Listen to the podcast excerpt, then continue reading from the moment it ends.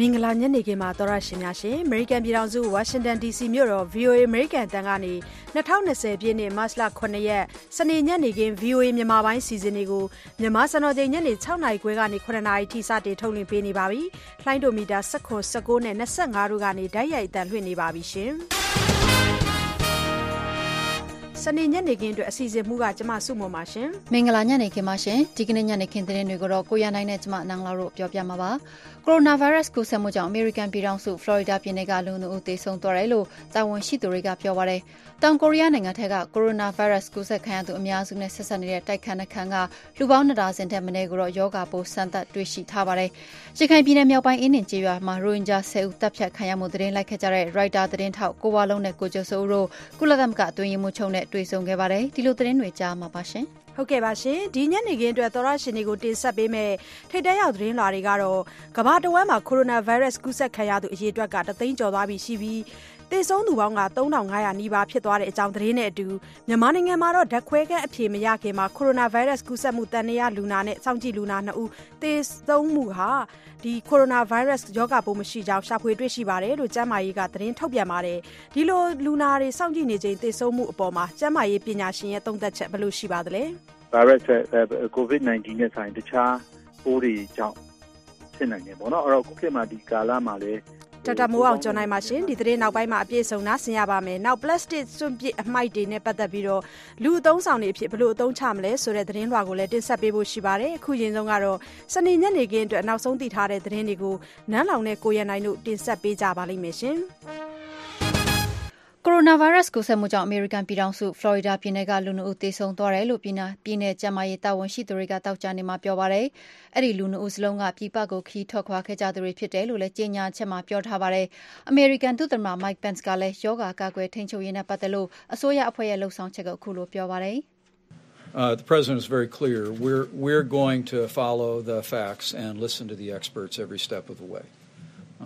Uh, the president is very clear. We're, we're going to follow the facts and listen to the experts every step of the way. Um, သမ္မတ Trump အနေနဲ့ကလည်း ကျွမ်းကျင်ပညာရှင်တွေရဲ့ အကြံဉာဏ်နဲ့ အချက်အလက်ပေါ်မူတည်ပြီးတော့ယောဂကာကွယ်ရေးအတွက်တဆင့်ချင်း လိုက်နာဆောင်ရွက်သွားမယ်လို့ ပြောဆိုသွားတာပါ။နိုင်ငံအနောက်ပိုင်း ကယ်လီဖိုးနီးယားပြည်နယ် ကမ်းလွန်မှာ ဆိုက်ကပ်ထားတဲ့ အပျော်စီးသင်္ဘောကြီး Grand Princess စိန်ခံသင်္ဘောကြီးပေါ်မှာလည်း လူ ၂၁ ဦးမှာ ကိုရိုနာဗိုင်းရပ်စ် စမ်းသပ်တွေ့ရှိထားတယ်လို့ အမေရိကန် တာဝန်ရှိသူတွေက ပြောပါတယ်။အခုဆိုရင် ကမ္ဘာတဝန်း ရောဂါကူးစက်ခံထားရသူပေါင်းတသိန်းဝန်းကျင်နဲ့ သေဆုံးသူက ၃,၅၀၀ ထက်မနည်း ရှိနေပါတယ်။အမေရိကန် ဒုသမ္မတ Mike Pence ကတော့ Grand Princess သင်္ဘောကြီးပေါ်က ခရီးသည် ၃,၅၀၀ မှာ ကိုရိုနာကူးစက်ခံထားခြင်းရှိမရှိစမ်းသပ်နိုင်အောင်အဲ့ဒီသင်္ဘောကိုသီးသန့်ဆိပ်ကမ်းတခုမှာဆိုက်ကပ်နိုင်အောင်ပြည်နယ်တာဝန်ရှိသူတွေနဲ့ပူးပေါင်းလုပ်ကိုင်နေတယ်လို့ပြောဆိုသွားပါတယ်။ပထမအသုတ်အဖြစ်သင်္ဘောပေါ်ကလူ၄၆ဦးကိုစမ်းသပ်တာမှာတော့၂၁ဦးမှာကူးစက်ထားတာကိုတွေ့ရတယ်လို့လည်းပြောပါတယ်။အဲ့ဒီထဲက၁၉ဦးကတော့သင်္ဘောအမှုထမ်းတွေပါ။ဖေဖော်ဝါရီလထဲမှာသင်္ဘောပေါ်ကခရီးသည်တဦးကိုရိုနာကြောင့်သေဆုံးခဲ့ရပြီးတဲ့နောက်အခုလိုရောဂါစစ်ဆေးဖို့ဖြစ်လာတာလည်းဖြစ်ပါတယ်။သောကြာနေ့အစောပိုင်းမှာတော့ကိုရိုနာဗိုင်းရပ်စ်ကာကွယ်တိုက်ဖျက်ရေးအတွက်အရေးပေါ်ရန်ပုံငွေအဖြစ်ဒေါ်လာ၈.၃ဘီလီယံသုံးစွဲဖို့သမ္မတ Trump ကလက်မှတ်ရေးထိုးခဲ့ပါတယ်။ဂျပန်နိုင်ငံနဲ့တောင်ကိုရီးယားနိုင်ငံကြားမှာလအတော်ကြာတင်းမာမှုတွေလျော့ကျခဲ့ပြီးတဲ့နောက် COVID-19 လို့ခေါ်တဲ့ကိုရိုနာဗိုင်းရပ်စ်ကူးစက်ရောဂါနဲ့ပတ်သက်ပြီးနှစ်နိုင်ငံကြားမှာတင်းမာမှုတွေပြန်ပြီးဖြစ်လာနေပါတယ်။တောင်ကိုရီးယားနဲ့တရုတ်နိုင်ငံကလာတဲ့ခရီးသွားတွေကို ဂျပန်နိုင်ငံဘက်က သီးသန့်ခွဲထားပြီးအဲဒီလူတွေအနေနဲ့ အများပြည်သူအသုံးပြုနေတဲ့ သယ်ယူပို့ဆောင်ရေးတွေကို အသုံးမပြုရဘူးလို့ ပြောလိုက်ပြီးတဲ့နောက် တောင်ကိုရီးယားနိုင်ငံဘက်ကလည်း မကျေမနပ် တုံ့ပြန်လိုက်တာဖြစ်ပါတယ်။ဂျပန်နိုင်ငံရဲ့ ဆုံးဖြတ်ချက်ဟာ အဓိပ္ပါယ်မရှိဘဲ အလွန်အကျွံလုပ်ဆောင်တာဖြစ်ပြီး ဒီအတွက် အထူးပဲ စိတ်မကောင်းဖြစ်မိကြောင်းနဲ့ ဒီအပေါ်မှာ အလားတူပုံစံမျိုးနဲ့ လက်တုံ့ပြန်သွားမယ်လို့ တောင်ကိုရီးယားဘက်က ပြောလိုက်ပါတယ်။တောင်ကိုရီးယားနိုင်ငံဟာ တရုတ်နိုင်ငံပြီးရင် ကမ္ဘာပေါ်မှာ ကိုရိုနာဗိုင်းရပ်စ် ကူးစက်ရောဂါ အများဆုံးကူးစက်ခံထားရတဲ့နိုင်ငံဖြစ်ပါတယ်။တောင်ကိုရီးယားနိုင်ငံမှာဒီနေ့အထိရောဂါကူးစက်ခံရသူ၆,၇၀၀ကျော်ရှိပြီးသေဆုံးသူက၄၅ယောက်ရှိပါတယ်။ တချိန်တည်းမှာပဲဂျပန်နိုင်ငံဘက်မှာတော့ Princess Diamond အပျော်စီးသင်္ဘောအပါအဝင်ဂျပန်နိုင်ငံရဲ့ပင်မကုန်းမြေမှာရောဂါပိုးကူးစက်ခံရသူ၁,၀၀၀ထက်မနည်းရှိတာပါ။ဒီဗိုင်းရပ်စ်ပိုးကူးစက်မှုကိုထိန်းချုပ်နိုင်ဖို့အတွက်နှစ်နိုင်ငံစလုံးကမတူညီတဲ့ချဉ်းကပ်မှုတွေနဲ့လုပ်ဆောင်နေကြပြီးဂျပန်နိုင်ငံထက်စာရင်တောင်ကိုရီးယားနိုင်ငံကတော့သူ့နိုင်ငံသားတွေကိုရောဂါပိုးကူးစက်ထားခြင်းရှိမရှိဆိုတာကိုအပူတပြင်းစစ်ဆေးနေတာဖြစ်ပါတယ်ခင်ဗျာ။တောင်ကိုရီးယားနိုင်ငံထဲကကိုရိုနာဗိုင်းရပ်စ်ကူးစက်ခံရသူအများစုနဲ့ဆက်စပ်နေတဲ့တိုက်ခန်းတစ်ခုမှာလူပေါင်း၂ဒါဇင်ထက်မနည်းရောဂါပိုးစမ်းသပ်တွေ့ရှိခဲ့တဲ့အတွက်အဲဒီလူနေတိုက်ခန်းတွေကိုအဝင်အထွက်ကန့်သတ်ထားလိုက်ပြီလို့တာဝန်ရှိသူတွေကဒီကနေ့ပြောပါတယ်။တရုတ်နိုင်ငံပြီးရင် COVID-19 ကိုရိုနာဗိုင်းရပ်စ်လူနာအများဆုံးရှိနေတဲ့တောင်ကိုရီးယားမှာလူနာသစ်448ဦးတိုးလာတဲ့အတွက်အခုဆိုရင်ကူးစက်ခံရသူစုစုပေါင်း9014ဦးထိရှိသွားပါပြီ။ COVID-19 ကြောင့်သေဆုံးသူ2ဦးတိုးလာတဲ့အတွက်သေဆုံးသူစုစုပေါင်း44ဦးရှိတယ်လို့လည်းတောင်ကိုရီးယားရောဂါကာကွယ်ထိန်းချုပ်ရေးဌာနကပြောပါတယ်။ ကိုရိုနာဗိုင်းရပ်စ် အဓိက ကူးစက်ပျံ့နှံ့နေတဲ့ ဒေဂူးမြို့က အဲဒီလူနေတိုက်ခန်းကနေ ရောဂါကူးစက်ခံရသူ ၄၆ ဦး စမ်းသပ်တွေ့ရှိခဲ့ပြီးတဲ့နောက်မှာပဲအခုလိုအဝင်အထွက်ပိတ်လိုက်တာလို့ မြို့တော်ဝန် Kwang Eung-jin ကပြောပါတယ်။အဲဒီတိုက်ခန်းနှစ်ခုမှာ လူပေါင်း ၁၄၀ ကျော်နေထိုင်တာပါ။၉၄ ယောက်ကတော့ နိုင်ငံတွင်း ရောဂါစပြီး ကူးစက်ပျံ့နှံ့ခဲ့တဲ့နေရာအဖြစ် စွပ်စွဲပြောဆိုနေကြတဲ့ Shinyeongji ခရစ်ယာန်ဘုရားကျောင်းအဖွဲ့ဝင်တွေဖြစ်ပါတယ်။ဒါဟာ လူနေအဆောက်အအုံကို သီးသန့်ကန့်သတ်လိုက်တဲ့ ပထမဆုံးလုပ်ရပ်ဖြစ်တယ်လို့လည်း မြို့တော်ဝန် Kwang ကပြောပါတယ်။ဒေဂူးမြို့မှာ အခုဆိုရင် ကိုရိုနာကူးစက်ခံရသူ၅ထောင်ကျော်ရှိတာပါ။အသက် ၆၁ နှစ်အရွယ် အမျိုးသမီးတဦးမှာ ဖေဖော်ဝါရီလ ၁၀ ရက်နေ့က ရောဂါလက္ခဏာတွေ တွေ့ပြီးတဲ့နောက်ပိုင်း သူပုံမှန်သွားလေ့ရှိတဲ့ Shinyeongji ဘုရားကျောင်းတက်သူတွေကြား ရောဂါကူးစက်မှုတွေတွေ့လာခဲ့တာလည်း ဖြစ်ပါတယ်။အဲဒီ ခရစ်ယာန်ဘုရားကျောင်းနဲ့ ဆက်စပ်နေသူ၂သိန်း၆သောင်းကျော်ရှိတယ်လို့လည်း တာဝန်ရှိသူတွေက ပြောဆိုထားပါတယ်။အီရန်နိုင်ငံက လွှတ်တော်အမတ်တဦးဟာ Novel Coronavirus ပိုး ကူးစက်ခံရပြီး ဒီနေ့မှာ သေဆုံးသွားတယ်လို့ အီရန်အစိုးရပိုင် IRNA သတင်းဌာနက ပြောကြားလိုက်ပါတယ်။ဒါဟာ Coronavirus ကူးစက်မှုတွေ အတော်များများဖြစ်နေတဲ့ အီရန်တာဝန်ရှိသူတွေထဲက တယောက်ဖြစ်ပါတယ်။အသက်၅၅နှစ်အရွယ်ရှိတဲ့ Fatima Rabeh ဟာကွန်ဆာဗေးတစ်ထိပ်တန်းလွှတ်တော်အမတ်တဦးဖြစ်ပြီးမကြာသေးခင်ကပဲအီရန်မြို့တော်ကနေလွှတ်တော်အမတ်အဖြစ်ရွေးကောက်ခံခဲ့ရတာဖြစ်တယ်လို့ IRNA သတင်းဌာနကပြောပါတယ်။အီရန်နိုင်ငံမှာပြီးခဲ့တဲ့ဖေဖော်ဝါရီလလယ်ကကိုရိုနာဗိုင်းရပ်စ်ကူးစက်မှုကြီးစတင်ဖြစ်ပွားခဲ့ချိန်ကစပြီးသူမအပါအဝင်နိုင်ငံရေးသမားနဲ့အစိုးရတာဝန်ရှိသူစုစုပေါင်း၇ယောက်သေဆုံးခဲ့ပြီးဖာတီမာကတော့ဒုတိယမြောက်သေဆုံးတဲ့လွှတ်တော်အမတ်ဖြစ်ပါတယ်။ အီရန်နိုင်ငံမှာ ဗိုင်းရပ်စ်ပိုးကူးစက်ခံရသူ ၄၇၀၀ ကျော်နဲ့ သေဆုံးသူ ၁၂၄ ယောက်ထက်မနည်းရှိတာကြောင့် ဗိုင်းရပ်စ်ကူးစက်ပျံ့နှံ့မှုကို ထိန်းချုပ်နိုင်ဖို့အတွက် အီရန်နိုင်ငံဘက်က အပူတပြင်း ကြိုးပမ်းနေပါတယ်။အခုဆိုရင် ကိုရိုနာဗိုင်းရပ်စ်က အီရန်နိုင်ငံက ပြည်နယ် ၃၁ ခုလုံးကို ကူးစက်ပျံ့နှံ့ခဲ့တာကြောင့် ဒီဗိုင်းရပ်စ်ကို ထိန်းချုပ်နိုင်ဖို့အတွက် ကြိုးပမ်းတဲ့အနေနဲ့ ကျောင်းတွေ၊တက္ကသိုလ်တွေကို ပိတ်လိုက်သလို အားကစားပွဲတွေနဲ့ ယဉ်ကျေးမှုဆိုင်ရာပွဲတွေကိုလည်း မကျင်းပဘဲ ရွှေ့ဆိုင်းလိုက်ပြီး အလုပ်ချိန်တွေကိုလည်း လျှော့ချလိုက်ပါတယ်ခင်ဗျာ။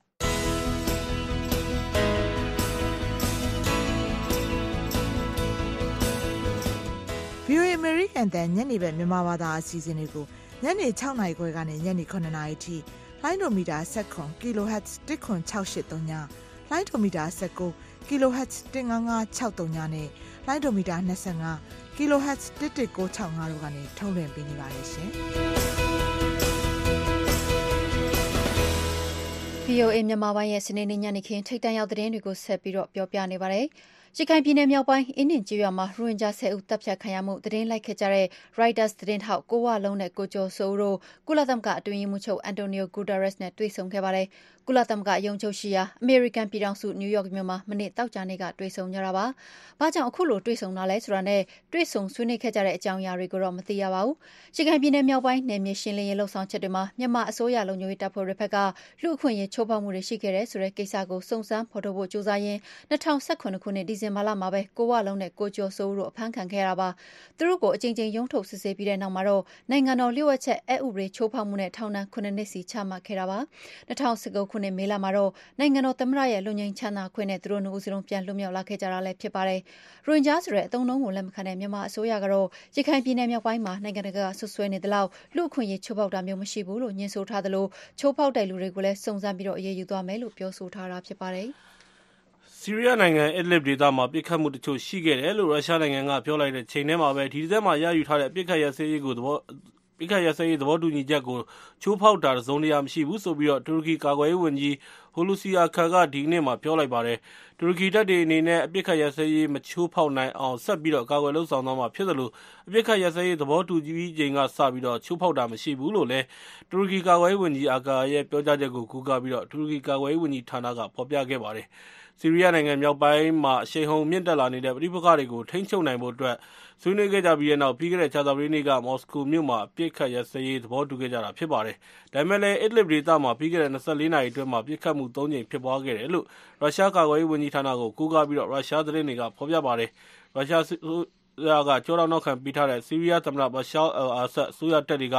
ဆီးရီးယားနိုင်ငံအနောက်မြောက်ပိုင်းမှာ၃လကြာထိုးစစ်ဆင်ခဲ့တာကြောင့်အဲဒီဒေသကလူပေါင်း၁သန်းလောက်ဟာအိုးအိမ်စွန့်ခွာထွက်ပြေးခဲ့ကြရပါတယ်ခင်ဗျာ။ဆော်ဒီအာရေဗျနိုင်ငံကအဆင့်မြင့်တော်ဝင်မိသားစုဝင်၃ဦးကိုဆော်ဒီတာဝန်ရှိသူတွေကဖမ်းဆီးလိုက်ပါတယ်။အဲဒီ၃ဦးကတော့ဘုရင့်ညီတော်အငယ်ဆုံးဖြစ်တဲ့မင်းသားအာမက်ဘင်အဗ်ဒူလာဇစ်၊အိမ်ရှေ့စံမင်းသားဟောင်းလည်းဖြစ်၊ပြည်ထဲရေးဝန်ကြီးလည်းဖြစ်တဲ့မိုဟာမက်ဘင်နာယက်ဖ်နဲ့ သူတို့နဲ့တဝမ်းခွဲမောင်နှမတော်စပ်သူမင်းသား Nawaf bin Nayef တို့ဖြစ်ပါတယ်။သူတို့ထဲကနှစ်ယောက်ကိုတော့နိုင်ငံတော်သစ္စာဖောက်မှုနဲ့စွဲဆိုထားတယ်လို့သတင်းတွေကဖော်ပြပါတယ်။ဒီဖမ်းဆီးမှုနဲ့ပတ်သက်ပြီးဆော်ဒီတာဝန်ရှိသူတွေရဲ့မှတ်ချက်ပေးပြောဆိုချက်တော့ထွက်မလာသေးပါဘူး။ Salman ဘုရင်ကြီးရဲ့သားတော်ဖြစ်တဲ့အိမ်ရှေ့စံမင်းသား Mohammed bin Salman ကဖမ်းဆီးမိန့်ပေးခဲ့တာလို့လည်းသတင်းတွေကဖော်ပြပါတယ်။တူရကီနိုင်ငံကဆော်ဒီသံရုံးမှာသတင်းထောက် Jamal Khashoggi ရ က်ရက်စက်စက်သတ်ဖြတ်ခံရတဲ့ဖြစ်ရပ်မှာလည်းမင်းသား Mohammed bin Salman မှာတာဝန်ရှိတယ်ဆိုပြီးကျယ်ကျယ်ပြန့်ပြန့်ယုံကြည်နေကြတာဖြစ်ပါတယ်။အဂတိလိုက်စားမှုနှိမ်နင်းရေးလုပ်ဆောင်ခဲ့တဲ့အိမ်ရှေ့စံမင်းသား Mohammed bin Salman က၂၀၁၇ခုနှစ်မှာလည်းဆော်ဒီတော်ဝင်မိသားစုဝင်ရာနဲ့ချီအပြင်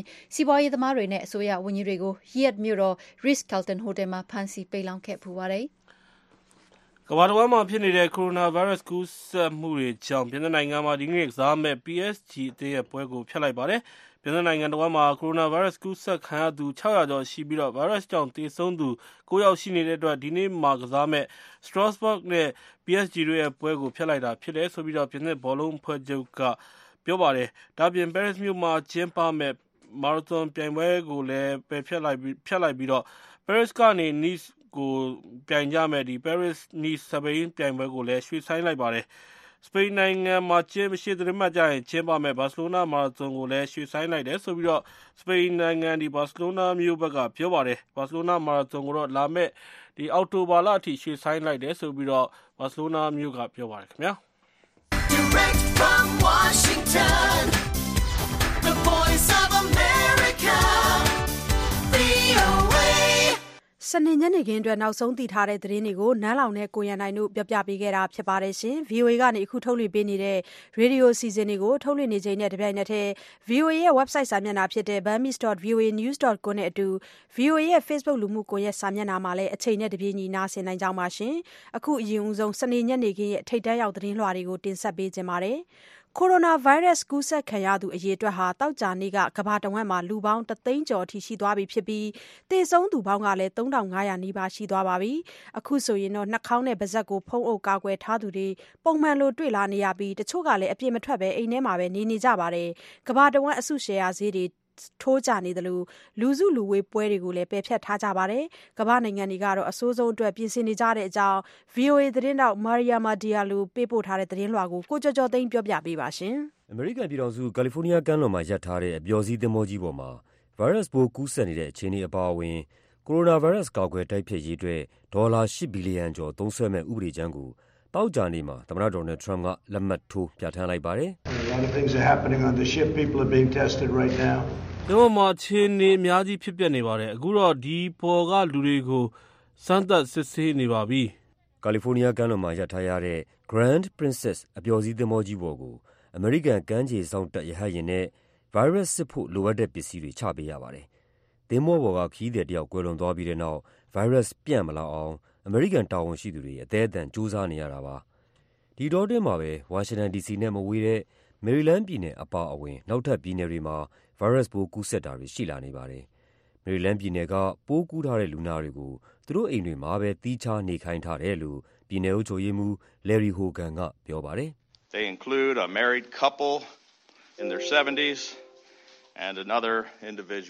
“အသက် ၇၀ ကျော် ဇနီးမောင်နှံနှစ်ဦးနဲ့ အသက် ၅၀ ကျော် လူတယောက်တို့ ဗိုင်းရပ်စ်ပိုး ကူးစက်ခံထားရတာပါ။ဒီဖြစ်စဉ်သုံးခုလုံးက ပြည်ပခရီးသွားချိန်အတွင်း ဗိုင်းရပ်စ်ပိုး ကူးစက်ခံရတာဖြစ်ပါတယ် ကိုရိုနာဗိုင်းရပ်စ်ကြောင့် ကမ္ဘာ့စီးပွားရေးအပေါ် ထိခိုက်လာမယ်ဆိုတဲ့ စိုးရိမ်ချက်တွေ ပိုမြင့်မားလာတာကြောင့် အမေရိကန် အစုရှယ်ယာဈေးတွေကလည်း သိသိသာသာကို ကျနေတာပါ။နှာခေါင်းနဲ့ ပါးစပ်တွေကို ကာကွယ်ဖုံးအုပ်ထားသူတွေကို ကမ္ဘာတဝန်းမှာ နေ့စဉ်လို မြင်တွေ့လာနေရချိန် ကိုလံဘီယာတက္ကသိုလ်က ဆေးဘက်ဆိုင်ရာကျွမ်းကျင်သူ ဒေါက်တာ Yassim Demirdek ကအခုလို အကြံပေးထားပါတယ်။ don't wear any mask the mask is useless totally useless ဖြားနေတာမဟုတ်ဘူးဆိုရင်နှာခေါင်းပါးစပ်အကာမတက်ပါနဲ့အဲ့အကာလုံးဝအသုံးမဝင်သလိုကြည့်ရတာလဲဆိုပါတယ်ဒါပေမဲ့ဖြားနေတယ်ဆိုရင်တော့တခြားလူနာတွေကိုယောဂပိုးမကူအောင်ကာဝယ်ဖို့အတွက်ခွဲစိတ်ခန်းသုံးနှာခေါင်းပါးစပ်အကာတက်တင်ပါတယ်အီရန်နဲ့တခြားနိုင်ငံတွေမှာဗိုင်းရပ်စ်ပိုးကူးစက်သူအရေအတွက်တိုးလာတာနဲ့အမျှလုပ်နိုင်သမျှအားလုံးလုပ်ဆောင်ပြီးဗိုင်းရပ်စ်ပိုးကိုအခိုင်အမာတိုက်ဖျက်ကြဖို့ ကမ္ဘာ့ကျန်းမာရေးအဖွဲ့ WHO အကြီးအကဲက နိုင်ငံတွေကို တိုက်တွန်းပါတယ်။ This is not a drill. This is not the time to give up. ဒါ အစမ်းလေ့ကျင့်နေတာ မဟုတ်ပါဘူး။လက်မြောက်အရှုံးပေးရမယ့်အချိန် မဟုတ်ပါဘူး။အကြောင်းပြချက်တွေ ပေးရမယ့်အချိန်လည်း မဟုတ်ပါဘူး။လုပ်ဆောင်ရမယ့်ထဲမှာ ကာကွယ်ဆေးတခု အမြန်ဆုံး ဖော်ထုတ်ဖို့လည်း ပါဝင်ပေမယ့် ဒါက လွယ်လွယ်နဲ့ဖြစ်လာမှာ မဟုတ်ဘူးလို့ ကိုလမ်ဘီယာတက္ကသိုလ်က David Ho ကပြောပါတယ်။“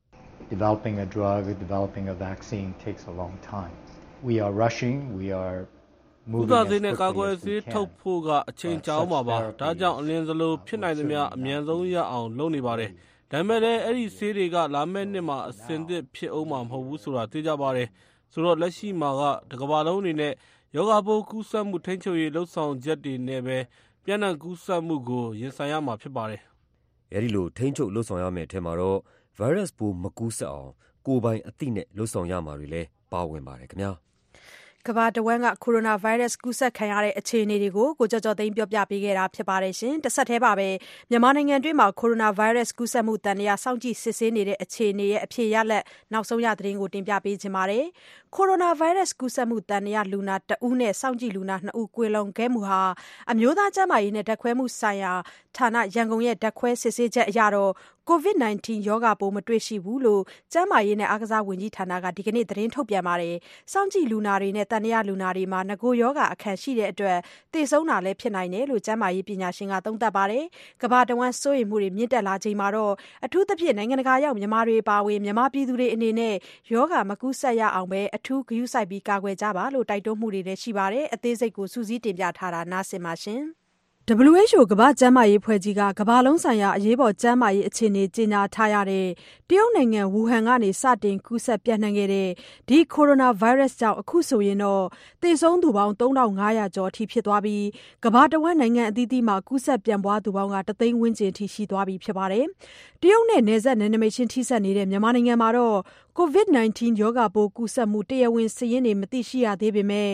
COVID-19 ရောဂါကူးစက်ထားမှု ရှိမရှိ စောင့်ကြည့်နေတဲ့ လူနာနှစ်ဦးနဲ့ သံသယလူနာ တဦးတို့ ဓာတ်ခွဲခန်းအဖြေ မထွက်ခင်မှာပဲ ကွယ်လွန်သွားခဲ့ကြပါတယ်။အဲဒီလူနာတွေကတော့ ရန်ကုန်ပြည်သူ့ဆေးရုံကြီးမှာ စောင့်ကြည့်ကုသပေးနေတဲ့ အသက် ၃၄ နှစ်အရွယ် အမျိုးသားတဦးနဲ့ လားရှိုးပြည်သူ့ဆေးရုံကြီးမှာ သံသယလူနာအဖြစ် သတ်မှတ်ကုသပေးနေတဲ့ အသက် ၄၀ အရွယ် အမျိုးသားတဦးအပြင် မန္တလေးမြို့ ကန်တော်နဒီဆေးရုံကြီးမှာ စောင့်ကြည့်လူနာအဖြစ် ကုသမှုခံယူနေတဲ့ ၆၈ နှစ်အရွယ် အမျိုးသမီးတဦးတို့ ဖြစ်ပါတယ်။ဒီသေဆုံးသူတွေမှာ COVID-19 ရောဂါကူးစက်မှုကြောင့် သေဆုံးတာ မဟုတ်သလို ဓာတ်ခွဲစစ်ဆေးချက်အရ COVID-19 ရောဂါပိုး မတွေ့ရှိကြောင်း အမျိုးသားကျန်းမာရေး ဓာတ်ခွဲမှုဆိုင်ရာဌာန ရန်ကုန် က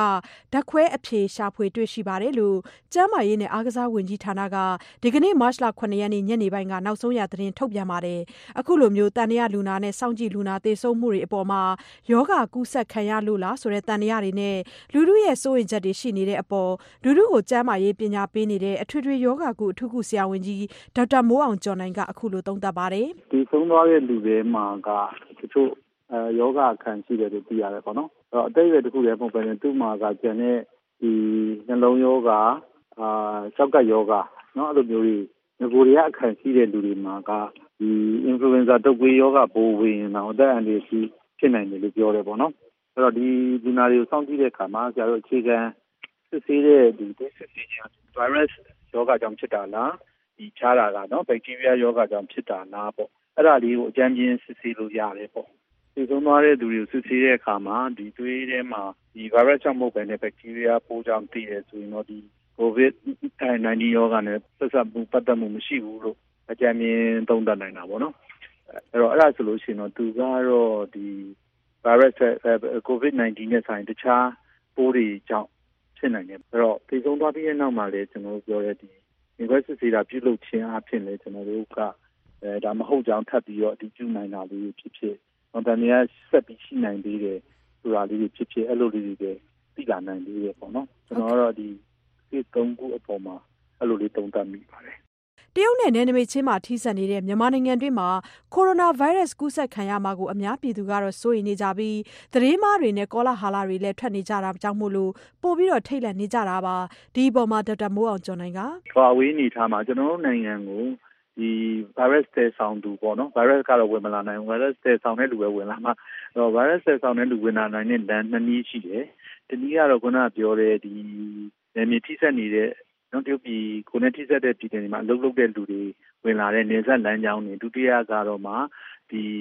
လေလေစိတ်ကနေတစ်ချက်ဝင်လာနိုင်တယ်ဒီတစ်ချက်ကရှိတာပေါ့နော်အဲ့တော့ကျမကြီးစစ်ဆေးတဲ့အခါမှာဒီနေရာမှာစောင့်ကြည့်တယ်လို့ကျွန်တော်တို့သိရတယ်ပေါ့အဲ့တော့ကျွန်တော်တို့ကတရုတ်နိုင်ငံနဲ့ထိစပ်တဲ့နိုင်ငံတစ်ခုဖြစ်ပေမဲ့တကယ်တမ်းဖြစ်တဲ့ epicenter တဲ့ဆိုင်တော့ကျွန်တော်တို့က မိုင်းထောင်ကြည့်ပြီးဝေးတဲ့အတွက်နောက်ကိုနဲ့ကတ်တဲ့ယူနန်ပြည်နယ်မှာလည်းဟိုကျန်တဲ့ဆဆမတွေ့ရသည်ဆိုရင်ကျွန်တော်တို့နေဆက်ကဝင်လာတဲ့ပြန်လာတဲ့လူတွေကြားထဲမှာဒီ virus ပိုပါလာနိုင်တဲ့အခွင့်အလမ်းနေတယ်လို့သုံးသပ်မှာပေါ့နော် ကိုရိုနာဗိုင်းရပ်စ် COVID-19 ရောဂါ ကမ္ဘာတဝန်း တသိန်းဝန်းကျင်အထိ ကူးစက်ပြန့်ပွားလာနေတဲ့အတွက် နိုင်ငံတကာရောက် မြန်မာတွေ အပါအဝင် မြန်မာပြည်သူတွေ စိုးရိမ်တကြီး ဖြစ်နေတာနဲ့ ပတ်သက်ပြီး မိမိကိုယ်ကိုအဓိက ရောဂါမကူးစက်ရအောင်ပဲသတိထား ကာကွယ်ကြပါလို့ ကျန်းမာရေး ပညာရှင်တွေက သတိပေးနေတာပါ ဒေါက်တာမိုးအောင်ကျော်နိုင်ကလည်း အခုလို အကြံပေးပါတယ် စိုးရိမ်တာကတော့ ကောင်းတယ် ဒါပေမဲ့လွန်မင်း စိုးရိမ်တာ မကောင်း panic ဖြစ်တာ မကောင်းဘူးပေါ့နော်အဲ့တော့ဘလို့စိုးရိမ်နေဆိုတာက ဒီဘိုး ကိုခန္ဓာကိုယ်ရဲ့ဝင်လာနိုင်တယ်လို့ပြုပြုပြီးတော့ ကူးစက်နိုင်တဲ့ကိစ္စလေးတွေကိုကတက်နိုင်ပြီးတားဆီးမယ်ဆိုတာကောင်းတယ်ပေါ့မကောင်းတာကတော့ခုနပြောတဲ့ဒါကိုစိုးရင်ပြီးတော့ခုနပစ္စည်းတွေဝယ်ယူ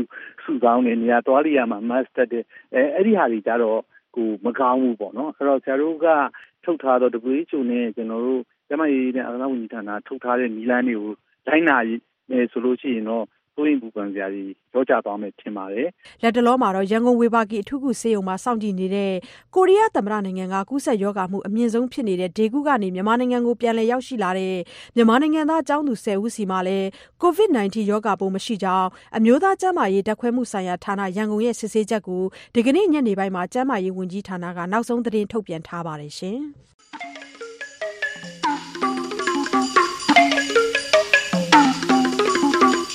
မျိုးသားဒီမိုကရေစီအဖွဲ့ချုပ် NLD က ပါတီပြောခွင့်ရပုဂ္ဂိုလ်ဖြစ်တူတဲ့ကိုပဲ တာဝန်ပေးလိုက်ပါတယ်။အခုလို ပြောခွင့်ရတူပဲ ထားလိုက်တာကြောင့်2020ပြည့်နှစ်အတွင်း ရွေးကောက်ပွဲတွေ ကျင်းပဖို့ ရှိနေချိန်မှာ ပါတီရဲ့လှုံ့ဆော်ချက်တွေရက်တီချက် မူဝါဒ သဘောထားတွေနဲ့ ပတ်သက်လို့ သိရှိနိုင်ခွင့်နဲ့ သတင်းရယူပိုင်ခွင့် ဘယ်လောက်အထိ ထိခိုက်သွားနိုင်တယ်လို့ ယူဆကြပါသလဲ။ဒီမိုကရေစီ ပြုပြင်ပြောင်းလဲရေးမှာ အဓိကအခန်းကဏ္ဍကနေ ပါဝင်ရမယ့် လွတ်လပ်တဲ့ သတင်းမီဒီယာရဲ့ အခန်းကဏ္ဍကို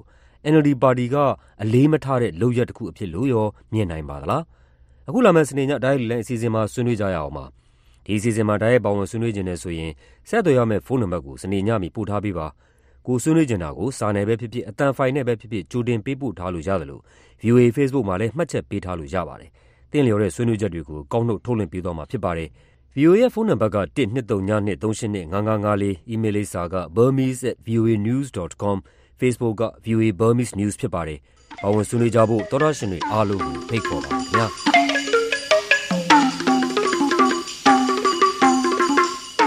ဒီကနေ့စနေည9:00နာရီမှာဆွေးနွေးကြမယ့်ဓာတ်လေလိုက်အစီအစဉ်မှာပါဝင်ဆွေးနွေးကြဖို့သောရရှင်တွေကိုထပ်မံဖိတ်ခေါ်ပါရသေးရှင်။ဆက်ပြီးတော့ plastic စွန့်ပစ်အမှိုက်တွေကိုလူအသုံးဆောင်ပစ္စည်းတွေအဖြစ်ပြောင်းလဲဖို့လှုံ့ဆော်နေတဲ့အကြောင်းသတင်းလွှာကိုတင်ပြပေးခြင်းပါတယ်။ plastic စွန့်ပစ်အမှိုက်တွေနောက်အမှိုက်ပုံတွေနဲ့ ရေထဲမှာပုံလာတာက အရှေ့တောင်အာရှမှာ အများဆုံးတွေ့ရှိရတဲ့ ပြဿနာဖြစ်လာပါတယ်။ဒီလိုမျိုးအမှိုက်တွေကို အသုံးဆောင်တွေအဖြစ်နဲ့ပြန်ပြီးတော့ဘယ်လိုများအသုံးချနိုင်ပါသလဲ ရိုက်တာသတင်းတပုတ်ကို အခြေခံပြီး မမြတချင်အောင်ပြောပြပေးပါရှင်စွန့်ပစ် ပလတ်စတစ်အမှိုက်တွေကိုအမှုပညာမြောက်တဲ့ အတွေးခေါ်နဲ့ ပြန်ပြီးတော့အသုံးချဖို့ ကြိုးစားနေတဲ့လူက မြန်မာမျိုးသမီး ဒေါ်ဝင်းဒီနမ်ပွီ ဖြစ်ပါတယ် သူကရန်ကုန်မြို့ပြင်ကအမှိုက်ပုံကြီးထဲမှာသူကိုယ်တိုင်ပလတ်စတစ်အမှိုက်တွေကိုရွေးထုတ်ပြီးတော့စွန့်ပစ်အမှိုက်တွေကနေအသုံးဆောင်ပစ္စည်းတွေအဖြစ်ပြန်ပြီးတော့ပြုလုပ်ရောင်းချတာပါကျွတ်ကျွတ်အိတ်အိမ်လို့နာမည်ပေးထားတဲ့ဆိုင်တဆိုင်ကိုလည်းဒလားမြို့မှာဖွင့်လှစ်ထားပါတယ်ရုပ်ဆိုးဆိုးနဲ့ဒီအမိုက်ပုံမှာရှိနေမယ်အစားလှပတဲ့ပစ္စည်းအသုံးဝင်တဲ့ပစ္စည်းတစ်ခုပြောင်းနိုင်တဲ့နီးပညာသာရှိခဲ့ရင်ပေါ့နော်အဲ့ဟိုကိုကပတ်ဝန်းကျင်ထိန်းရမှလည်းရောက်တော့မယ်ပြီးတော့ ကို့အနေနဲ့လည်းပေါ့နော်အသက်မွေးဝမ်းကြောင်းလုပ်ငန်းတစ်ခုလည်းဖြစ်လာမယ်ဆိုတဲ့ရည်ရွယ်ချက်နဲ့လုပ်ခဲ့တာပါအမိုက်ပုံတွေကပလတ်စတစ်ဘူးတွေအိတ်တွေနဲ့ထီးအဟောင်းတွေကိုကောက်ပြီးတော့စေကြောမိဘူးတိုက်ပြီးတော့ပြန်လဲတန့်စင်ပါတယ်ဒီလိုပြန်လဲတန့်စင်လိုက်တဲ့ပလတ်စတစ်ပစ္စည်းတွေကိုသူကပတ်စံအိတ်ခပတ်စတဲ့အသုံးဆောင်တွေအဖြစ်ပြန်လဲပြီးတော့ထုတ်လို့ရောင်းချတာပါရန်ကုန်မှာတရက်တရက်ကိုအမိုက်ပေါင်းကတန်ချိန်နဲ့ဆိုလို့ရှိရင်2500လောက်ကနေတိုင်းထွက်တာ ဒါပေမဲ့ဒီကျွတ်ကျွတ်တစ်ခုတည်းအနေနဲ့ပေါ့နော်ဒီ recycle ပြန်လုပ်တဲ့အခါမှာနှစ်တန်တောင်မှအနိုင်နိုင်ဖြစ်လိမ့်မယ်ဟိုအနည်းလေးပေါ့နော်နည်းနည်းလေးပဲကိုယ်ကလုံနိုင်တဲ့အခါမှာဒီအမိုက်ပုံကတော့ဘယ်လိုမှရော့ချနိုင်စရာအကြောင်းမရှိဘူးပေါ့နော်အမိုက်ကနေလှပတဲ့အသုံးဆောင်တွေဖြစ်အောင်လုပ်ရတာကမလွယ်သလိုစိန်ခေါ်မှုတစ်ခုလည်းဖြစ်တယ်လို့ဒေါ်ဝင်းဒီနမ်ပူကပြောပါတယ်လူတွေကတွေ့တဲ့အခါမှာဒီဟာအမိုက်အမိုက်ကြီးပဲဆိုတာမျိုးမဟုတ်အောင်ပေါ့နော် လူတွေစိတ်ဝင်စားအောင်ဒီအမိုက်မဟုတ်မှန်းပေါ့နော်အမိုက်ကနေဘယ်လိုလှပတဲ့ပစ္စည်းဘယ်လိုပြောင်းမလဲဆိုတာလေဟိုတကယ်ရဲ့တကယ်ရင်ဆိုင်မှုကြီးပါပဲသူ့ရဲ့ဆိုင်ကိုလာတဲ့ဂျာမန်ကဘာလှည့်ခီးသွားကျောင်းသူဆာနာကတော့ဒီလိုပလတ်စတစ်စွန့်ပစ်အမိုက်တွေနဲ့အသုံးဆောင်ပစ္စည်းတွေပြုလုပ်ပြီးတော့ရောင်းချတာဟာတိတ်ကိုကောင်းတဲ့အတွေးခေါ်ဖြစ်တယ်လို့ပြောပါတယ် I think this is a great project just to see how you can reuse all the materials that are just thrown away nowadays and you can reuse them ဒီလိုအမိုက်ကနေသုံးလို့ရတဲ့ပစ္စည်းတွေပြန်လုပ်ရောင်းတာကတိတ်ကိုကောင်းတဲ့အစီအစဉ်ပါပဲပြစ်လိုက်တဲ့အမိုက်တွေကနေအသုံးဝင်တဲ့ပစ္စည်းတွေပြန်လုပ်တာဒီမှာကြည့်လေဥပမာဒီစင်ရုပ်လေးကျမတိတ်သဘောကျတာပဲဒါလေးကတိတ်ကိုကောင်းတဲ့အမှတ်တရလက်ဆောင်ပစ္စည်းပဲလေဒေါ်ဝင်ဒီနမ်ပွေကသူ့ရဲ့ဆိုင်ကိုလည်းပလတ်စတစ်ဘူးကွန်နေနဲ့အလှဆင်ပြီးတော့တိစောက်ထားပါတယ် စွန့်ပစ်မိုက်တွေကနေလှပတဲ့ပစ္စည်းတွေသာမကအိမ်တလုံးထိစောင့်နိုင်တာကိုအသိပညာပေးချင်တာလို့သူကပြောပါတယ်။ကျွတ်ကျွတ်ရဲ့လုပ်ငန်းကဒီ plastic တစ်ခုတည်းမဟုတ်ဘောနော်ဟိုထုတ်လုပ်တဲ့ပစ္စည်းလှပတဲ့ပစ္စည်းတစ်ခုတည်းမဟုတ်ပဲနဲ့လူတွေကိုဗာပညာပေးချင်လဲဆိုတဲ့အခါကျတော့ဒီအမိုက်နဲ့ဒီကိုကိုပတ်ဝန်းကျင်မှာမြင်နေရတဲ့အမိုက်အများဆုံးနဲ့ပေါ့နော်ဒီလိုအိမ်တလုံးတောင်ဆောက်လို့ရတယ်ဒီမှာဆိုလို့ရှိရင် plastic ဘူးတွေပါ ဒါနေ့စဉ်ကိုတုံးနေတဲ့ကိုတောက်နေတဲ့ပလတ်စတစ်ဘူးတွေနဲ့အိမ်တစ်လုံးတောင်ဆောက်လို့ရတယ်ဆိုတဲ့ပညာကိုပေးချင်တာလူဦးရေ9တန်းလောက်နေထိုင်တဲ့ရန်ကုန်မြို့မှာနေတိုင်းစွန့်ပစ်တဲ့အမိုက်ကတန်ချိန်2500လောက်ရှိတယ်လို့ရန်ကုန်စီပင်တာယာရေးကော်မတီစီရင်အရာသိရပါတယ်ဒေါ်ဝင်းဒီနမ်ပွေကအခုလိုစွန့်ပစ်ပစ္စည်းတွေပြန်လည်အသုံးချတဲ့လုပ်ငန်းကို2014ခုနှစ်ကစခဲ့တာဖြစ်ပြီးတော့ကျွတ်ကျွတ်အိမ်အိမ်ကို2016မှာဖွင့်လှစ်ခဲ့တာပါ သူ့အနေနဲ့အခုလိုလုပ်တာကတစ်ချိန်မှာနောင်မျိုးဆက်တွေအတွက်ပို့ပြီးတော့တန့်ရှင်းတဲ့ပတ်ဝန်းကျင်ကိုဖန်တီးပေးခြင်းလို့ဖြစ်တယ်လို့ပြောပါတယ်။ဒီနေ့ကိုအမိုက်နည်းနည်းပဲပြန်ပြီးတော့အသုံးချနိုင်တာဖြစ်လို့နေတိုင်းအမိုက်ပြဿနာကိုဖြေရှင်းဖို့ကတော့လူတွေအမိုက်ကိုစနစ်တကျစွန့်ပစ်စေခြင်းတယ်လို့လည်းဒေါ်ဝင်းဒီနမ်ပွေကပြောပါတယ်ရှင်။ မမြတ်တစေအောင်ပြောပြပေးသွားတာဖြစ်ပါတယ်ရှင်။စနေညနေခင်းအတွက်သတင်းလွှာတွေကတော့ဒီလောက်ပါပဲ။နောက်2နာရီကြာည9နာရီကနေ10နာရီထိထုတ်လွှင့်ပေးမယ့်အစီအစဉ်တွေမှာတော့နောက်ဆုံးရသတင်းတွေနဲ့အတူတို့အတန်အစီအစဉ်နဲ့စနေညဓာတ်ရိုက်လေးလိုက်ဆွေးနွေးခန်းကိုတင်ဆက်ပေးဖို့ရှိပါတယ်ရှင်။အခုကြံနေသေးတဲ့အချိန်မှာတော့နောက်ဆုံးရသတင်းချင်းချုပ်ကိုနန်းလောင်တလှည့်ပြောပြပေးပါအောင်ရှင်။ကို ရိုနာဗိုင်းရပ်စ်ကူးစက်မှုကြောင့်အမေရိကန်ပြည်ထောင်စုဖလော်ရီဒါပြည်နယ်ကလူနှစ်ဦးသေဆုံးသွားတယ်လို့ပြည်နယ်ကျန်းမာရေးဌာနကသောကြာနေ့မှာပြောပါတယ်။အဲဒီလူနှစ်ဦးစလုံးပြည်ပကိုခရီးထွက်ခဲ့သူတွေဖြစ်တယ်လို့လည်းကြေညာချက်မှာပြောထားပါတယ်။ Broward County ထဲမှာလည်းသံသယလူနာနှစ်ဦးတွေ့ထားတယ်လို့ဖလော်ရီဒါပြည်နယ်တာဝန်ရှိသူတွေကပြောပါတယ်။ဒါ့အပြင်နိုင်ငံအနောက်ပိုင်းကယ်လီဖိုးနီးယားပြည်နယ်ကမ်းလွန်မှာဆိုက်ကပ်ထားတဲ့အပျော်စီးသင်္ဘော Grand Princess ဇိမ်ခံသင်္ဘောကြီးပေါ်ကလူ၂၁ဦးမှာလည်းကိုရိုနာဗိုင်းရပ်စ်စမ်းသပ်တွေ့ရှိထားတယ်လို့အမေရိကန်တာဝန်ရှိသူတွေကပြောပါတယ်။အခုဆိုရင်ကမ္ဘာတဝန်းရောဂါကူးစက်ခံထားရသူပေါင်း၁သိန်းဝန်းကျင်နဲ့သေဆုံးသူက၃,၅၀၀ထက်မနည်းရှိနေပါတယ်။ ဂျပန်နိုင်ငံနဲ့ တောင်ကိုရီးယားနိုင်ငံကြား လအတော်ကြာ တင်းမာမှုတွေ လျော့ကျခဲ့ပြီးတဲ့နောက် COVID-19 လို့ခေါ်တဲ့ ကိုရိုနာဗိုင်းရပ်စ် ကူးစက်ရောဂါနဲ့ ပတ်သက်ပြီး နှစ်နိုင်ငံကြား တင်းမာမှုတွေ ပြန်ပြီး ဖြစ်လာနေပါတယ်။တောင်ကိုရီးယားနဲ့ တရုတ်နိုင်ငံက လာကြတဲ့ ခရီးသည်တွေကို သီးသန့်ခွဲထားမှာဖြစ်ပြီး အဲဒီလူတွေအနေနဲ့ အများပြည်သူအသုံးပြုနေတဲ့ သယ်ယူပို့ဆောင်ရေးတွေကို အသုံးမပြုရဘူးလို့ ဂျပန်နိုင်ငံက ပြောလိုက်ပြီးတဲ့နောက် တောင်ကိုရီးယားနိုင်ငံဘက်ကလည်း မကျေမနပ် တုံ့ပြန်လိုက်တာပါ။ဂျပန်နိုင်ငံရဲ့ ဆုံးဖြတ်ချက်ဟာ အဓိပ္ပါယ်မရှိဘူး။အလွန်အကျွံလုပ်ဆောင်တာဖြစ်ပြီး အဲဒီအတွက် အထူးပဲ စိတ်မကောင်းဖြစ်မိကြောင်းနဲ့ ဒီအပေါ်မှာ အလားတူပုံစံမျိုးနဲ့ လက်တုံ့ပြန်သွားမယ်လို့ တောင်ကိုရီးယားနိုင်ငံကလည်းတုံ့ပြန်ပြောဆိုထားပါတယ်။အီရန်နိုင်ငံကလွှတ်တော်အမတ်တဦးမှာ Novel Coronavirus ပိုးကူးစက်ခံရပြီးဒီကနေ့သေဆုံးသွားတယ်လို့အီရန်အစိုးရပိုင် IRNA သတင်းဌာနကပြောပါတယ်။ဒါဟာ Coronavirus ကူးစက်မှုအတော်များများဖြစ်နေတဲ့အီရန်တာဝန်ရှိသူတွေထဲကတယောက်ပါ။အသက်၅၅နှစ်အရွယ်ရှိတဲ့ Fatim Rabbah ဟာ Conservative ထိပ်တန်းလွှတ်တော်အမတ်တဦးဖြစ်ပြီးမကြာသေးခင်ကပဲတဟီရန်မြို့တော်ကနေလွှတ်တော်အမတ်အဖြစ်ရွေးကောက်ခံခဲ့ရတာဖြစ်တယ်လို့လည်း IRNA သတင်းဌာနကပြောပါတယ်။ စနေညနေခင်းအတွက် နောက်ဆုံးရသတင်းချင်းချုပ်ကို နန်းလောင်ကပြောပြပေးခဲ့တာဖြစ်ပါတယ်ရှင်။ဒီညနေခင်းအတွက် အစီအစဉ်ထုတ်လုပ်ရေးမှူးက ကိုရန်နိုင်ဖြစ်ပါတယ်။စက်ပိုင်းဆိုင်ရာအတံဖတ် အင်ဂျင်နီယာကတော့ El Santos ဖြစ်ပါတယ်ရှင်။ကျွန်မကစုမမှာဒီညနေခင်း အစီအစဉ်တွေကို တာဝန်ယူတင်ဆက်ပေးခဲ့တာဖြစ်ပါတယ်။ညနေခင်းအစီအစဉ်တွေကို ညနေ6နာရီခွဲကနေ9နာရီထိ ထုတ်လွှင့်ပေးခဲ့တာဖြစ်ပါတယ်။နောက်2နာရီကြာည9နာရီကနေ10နာရီထိ ထုတ်လွှင့်ပေးမယ်ညပိုင်းအစီအစဉ်မှာလည်း တခါ ပြန်ပြီးတော့ဆုံကြရအောင်ပါရှင်။ VOA ကို နားတော်တာဆင်ခဲ့တဲ့အတွက် ကျေးဇူးအထူးပဲတင်ရှိပါတယ်။တော်ရရှင်တွေအားလုံး ရွှေလန်းချမ်းမြေ့ကြပါစေရှင်။